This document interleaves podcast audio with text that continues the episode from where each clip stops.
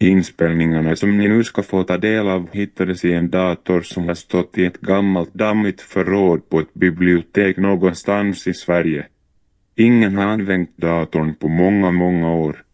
Vem det är som pratar på inspelningarna har vi ingen aning om. Ingen aning om, ingen aning om, ingen aning om, ingen aning om, ingen aning om.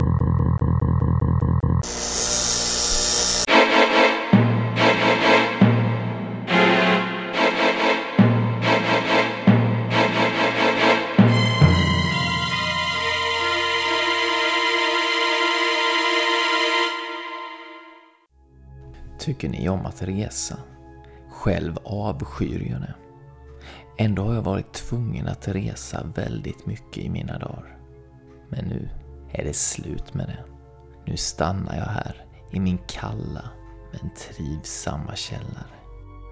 Några varningens ord om ni ska ge er ut på vägarna. Passa er för övernaturliga väsen. De finns där ute, var så säkra. Nu ska jag berätta för er om några av dem. Malmannen var en märklig varelse som ett flertal människor säger sig ha sett i West Virginia, USA på 1960-talet. De som såg Malmannen påstår att han såg ut som en människa, fast större, kanske två och en halv meter och helt grå. Han ska ha haft vingar på ryggen och stora röda ögon. Nästan alla som såg Malmannen såg honom vid vägar och många blev förföljda av honom. När han flög var han otroligt snabb. Ett vittne förklarade att han körde sin bil i 160 km i timmen. Ändå hade Malmannen inga problem som helst att flyga jämsides med bilen. En kvinna vittnar dock om att Malmannen hade stora problem när han gick. Hon sprang lätt ifrån honom när de möttes en sen kväll. Malmannen följde med stapplande steg efter henne. När kvinnan nådde fram till sitt hus smällde hon igen dörren och låste ordentligt. Malmannen ska långsamt ha tagit sig fram till ett fönster och stått och stirrat på henne i flera minuter innan han försvann. Den 15 december 1967 inträffade en fruktansvärd olycka. Bron Silverbridge rasade och 46 människor miste livet när de störtade ner i avgrunden. Tiden innan olyckan ska Malmannen ha varit synlig vid ett flertal tillfällen i närheten av bron. Ville Malmannen varna människor för katastrofen? Eller var det i själva verket han som var orsaken till att bron kollapsade?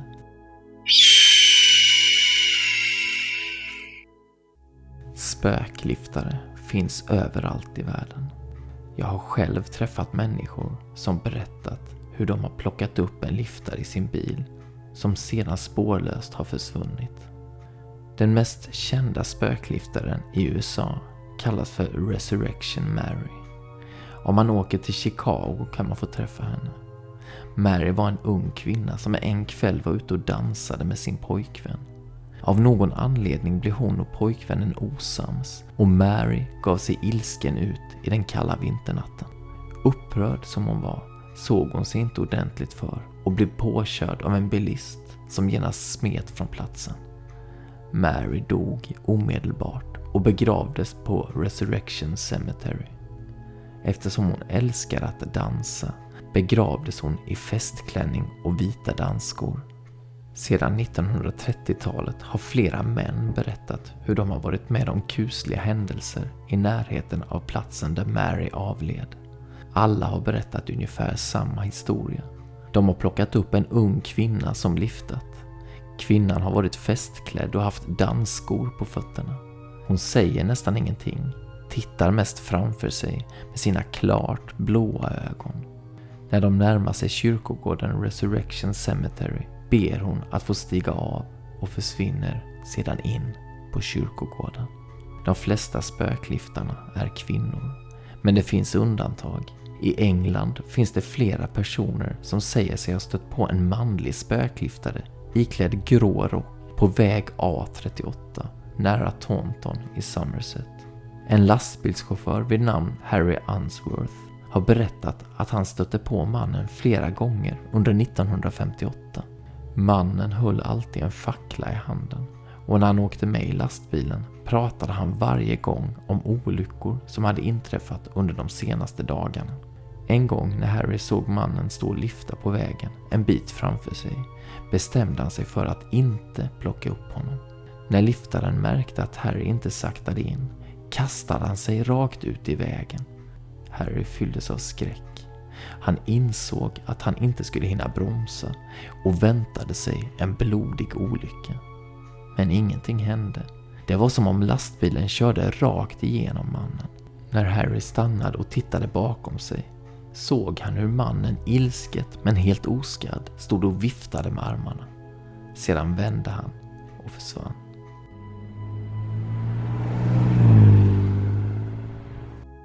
Har du någon gång funderat på att åka tunnelbana i Stockholm? Tänk om. Om livet är dig kärt.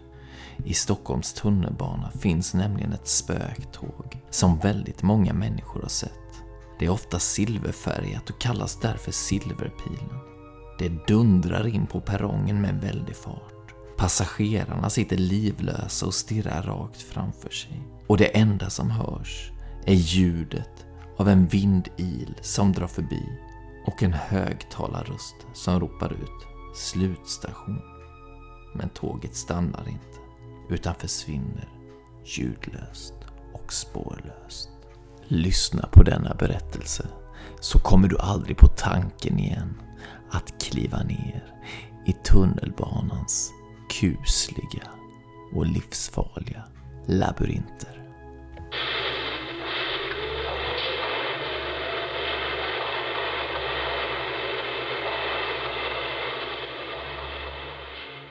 Hon såg sista vagnen ringla iväg i tunneln.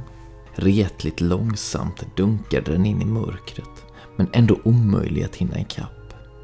Hon svor och stampade klackarna i stengolvet. Det var sista tåget för i natt och hon befann sig på fel sida av stan, långt hemifrån, utan pengar till taxi. På en bänk närmast rulltrappan försökte hon samla tankarna. Händerna stuttade upp huvudet och hon visste inte om hon skulle skratta eller gråta.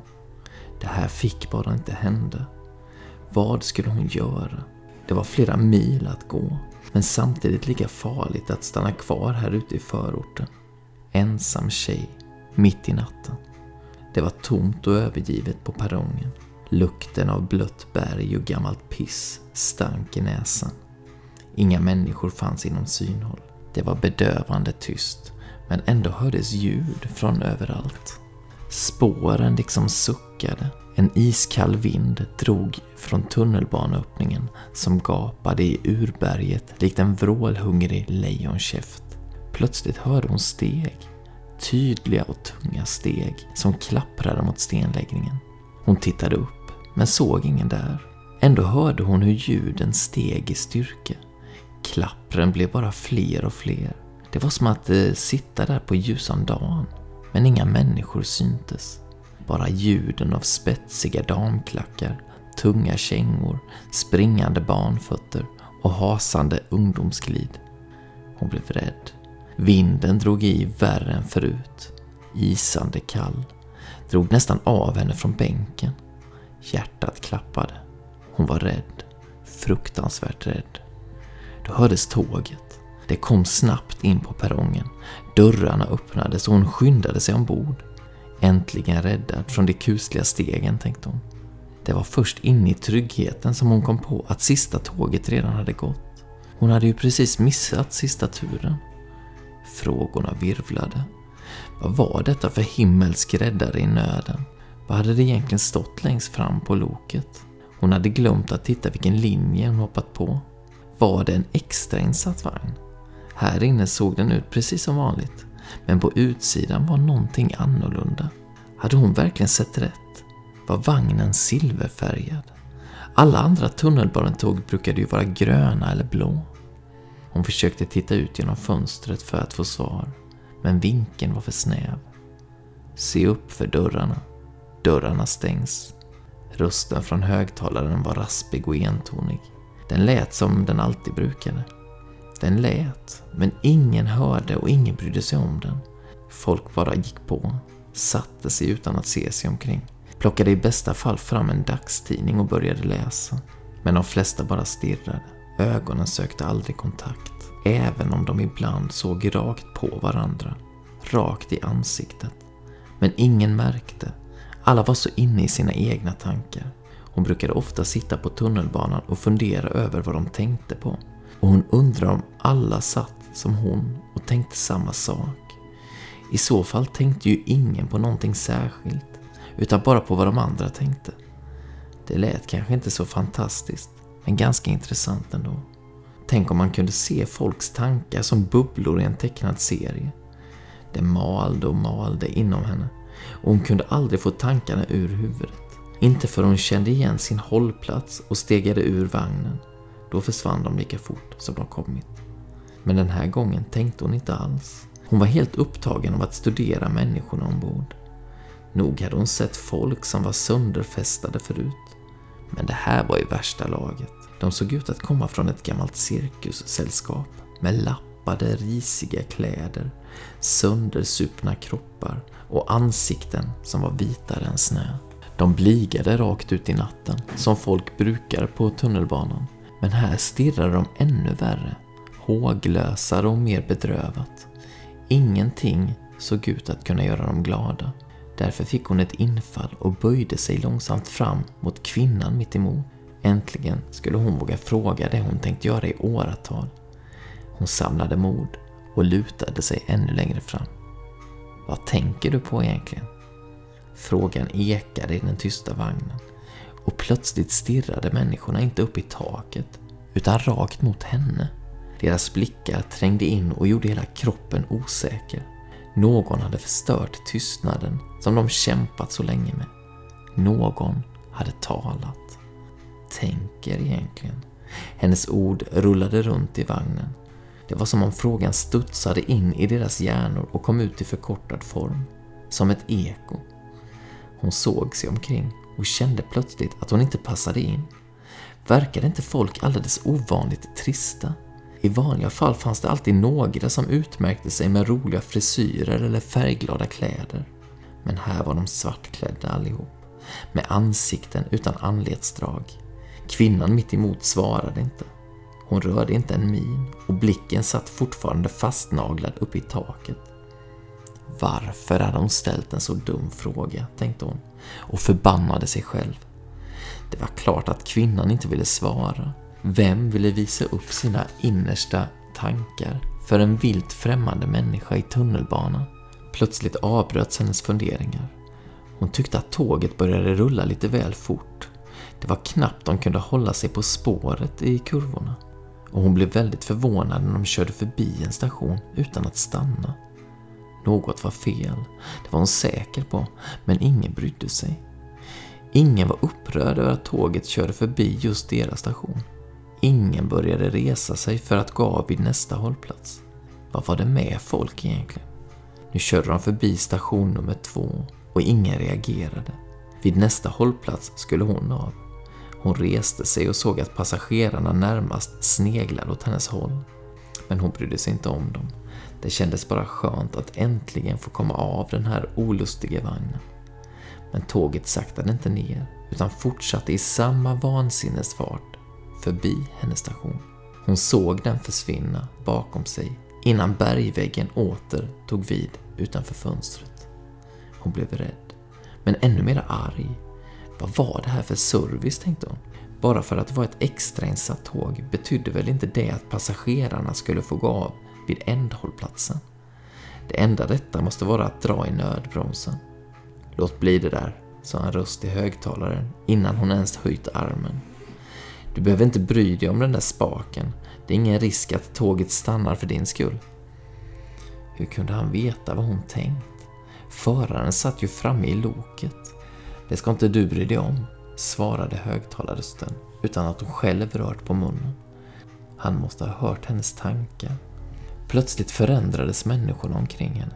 Folk skrek och skrattade. De som suttit livlösa fick fart under fötterna och mål i mun.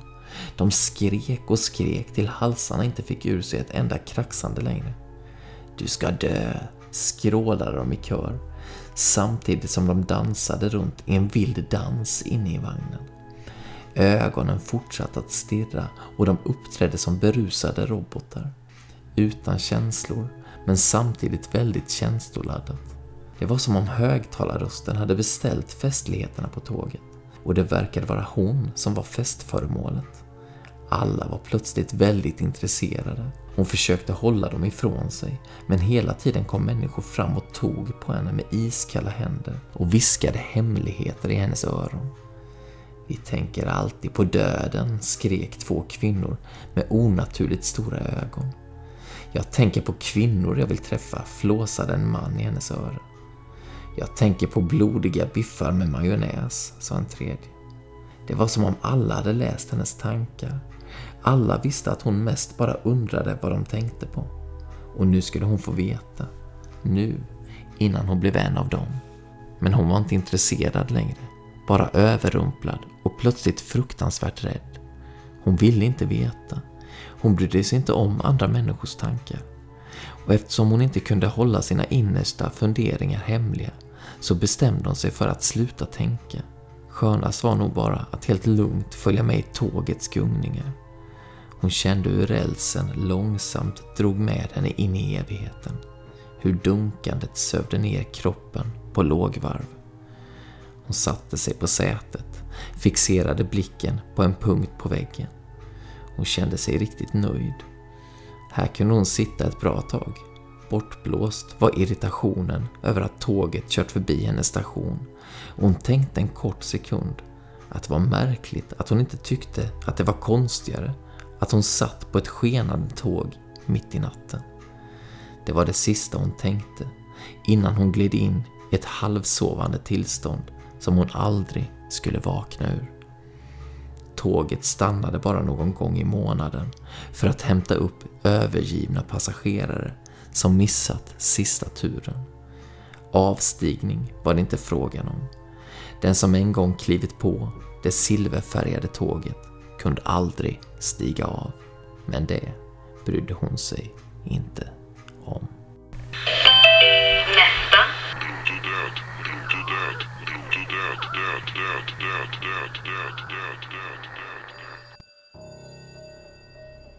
Nu har jag väl skrämt er så mycket så att ni aldrig kommer lämna ert rum. Men skulle ni mot all förmodan ge er ut och leva lite någon gång, så tänk på ondskan finns där ute. Så håll ögonen